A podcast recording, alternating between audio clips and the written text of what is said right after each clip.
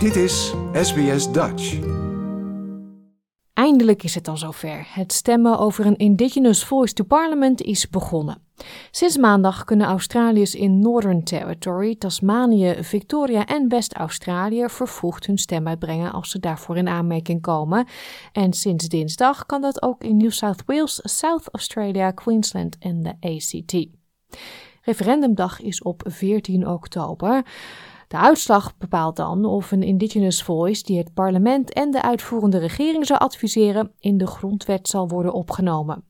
Premier Anthony Albanese heeft flink campagne gevoerd voor het ja-kamp en zegt dat hij het referendum ziet als een kans om het land dichter bij elkaar te brengen. I would encourage people to have a look at what the question is there that you're voting on. It's been a great big fear campaign about things that have nothing to do with this referendum. But no country was ever made more great by uh, agreeing to a fair campaign. To enlarge a country, you need optimism, you need hope, you need a vision for the future. And that's what this referendum is an opportunity to seize the future, to recognise the great privilege we have of sharing this continent with the oldest continuous culture on earth. Sally Angus van de Australische kiescommissie moedigt iedereen aan om vooruit te plannen zodat ze op de gemakkelijkste manier kunnen stemmen. It's really important that voters plan their vote. If people cannot turn out on voting day, they can head to one of our early voting centres or apply for a postal vote online at aec.gov.au. Het is voor het eerst in bijna een kwart eeuw dat het land samenkomt om over een mogelijke grondwetswijziging te stemmen. De kiescommissie heeft al sinds 25 september stembureaus geopend in afgelegen regio's in het land. In vergelijking met de federale verkiezingen van vorig jaar mogen nu 400.000 meer mensen stemmen. Niet eerder stonden zoveel kiesgerechtigden op de kiezerslijst. De kiescommissie zegt dat 97% van de in aanmerking komende Australiërs zich geregistreerd heeft om te stemmen. Het aantal indigenous kiezers bedraagt ook een recordaantal van 94,1% en het aantal jonge kiezers tussen de 18 en 24 bedraagt 91,4%. De assistent-minister voor Indigenous Australians, Malarndiri McCarthy, zegt dat voorzichtigheid geboden is om ervoor te zorgen dat alle geregistreerde Australiërs gebruik kunnen maken van hun stemrecht. What is different this time is that we have a much larger number on the uh, roll. Uh, they've certainly been able to achieve a higher enrolment rate for First Nations people, but also uh, ordinary Australians across the country. So, uh, you know, we've got to make sure that they're out there. I am mindful there's been sorry business at different places, so they might have to revisit uh, some of the communities to make sure they get back to them. De senator van het Northern Territory is van mening dat elk rechtsgebied een strijdtoneel zal worden. Met nog minder dan twee weken te gaan tot het referendum staat de ja-campagne nog steeds achter in de peilingen.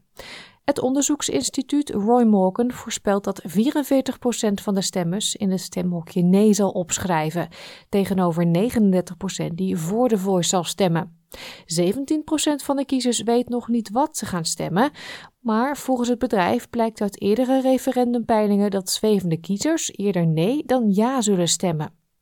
Premier Anthony Albanese zegt dat een nee-stem een stap terug is voor Australië. A no vote is a no is a vote for more of the same. It takes us nowhere.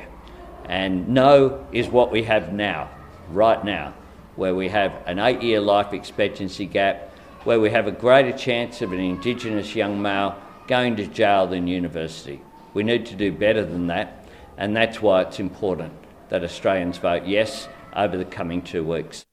Om het referendum te laten slagen is een nationale meerderheid nodig, evenals een meerderheid in tenminste vier van de zes staten. Oppositieleider Peter Dutton toerde in de week voorafgaand aan de opening van de by-election door regionaal New South Wales. Tegenstanders van The Voice betogen dat het opnemen van het adviesorgaan in de grondwet een permanente verandering betekent die de natie verdeelt op basis van ras. De onafhankelijke senator Lydia Thorpe heeft onlangs gezegd dat de federale overheid de voice gebruikt om vooruitgang te faken. Volgens haar zijn er nog steeds veel onbeantwoorde vragen, zoals wie daadwerkelijk zal deelnemen aan het adviesorgaan van The Voice. Immigratiewoordvoerder van de oppositie, Dan Tien, zei dat de aanpak van de kwestie door de premier tot verdeeldheid heeft geleid en dat de Albanese-regering een ander pad had moeten kiezen. Bij Channel 9 vertelde Tien dat Anthony Albanese er niet in geslaagd is precies uit te leggen hoe een dergelijk adviesorgaan in de praktijk zou werken. This is the most significant change to our constitution ever. And yet, Anthony Albanese, he's had over a year and a half to provide us with the detail, and he hasn't. Mevrouw McCarthy zegt dat ongeacht de uitkomst de First Nations people zullen blijven vechten voor hun rechten. We know that uh, life has always been about uh, endurance and stamina, and uh, I have no doubt, whatever the result on the 14th, uh, we will always keep going. Bezoek het SBS Voice Referendum portaal op www.sbs.com.au voice referendum voor toegang tot artikelen, video's en podcasts in meer dan 60 talen, inclusief de perspectieven van de First Nations via NITV. Of stream gratis het laatste nieuws en analyses, docu's en entertainment via de Voice Referendum Hub op SBS On Demand. Dit was een verhaal van Adriana Weinstock voor SBS Nieuws, in het Nederlands vertaald door SBS Dutch. Like, deel, geef je reactie. Volg SBS Dutch op Facebook.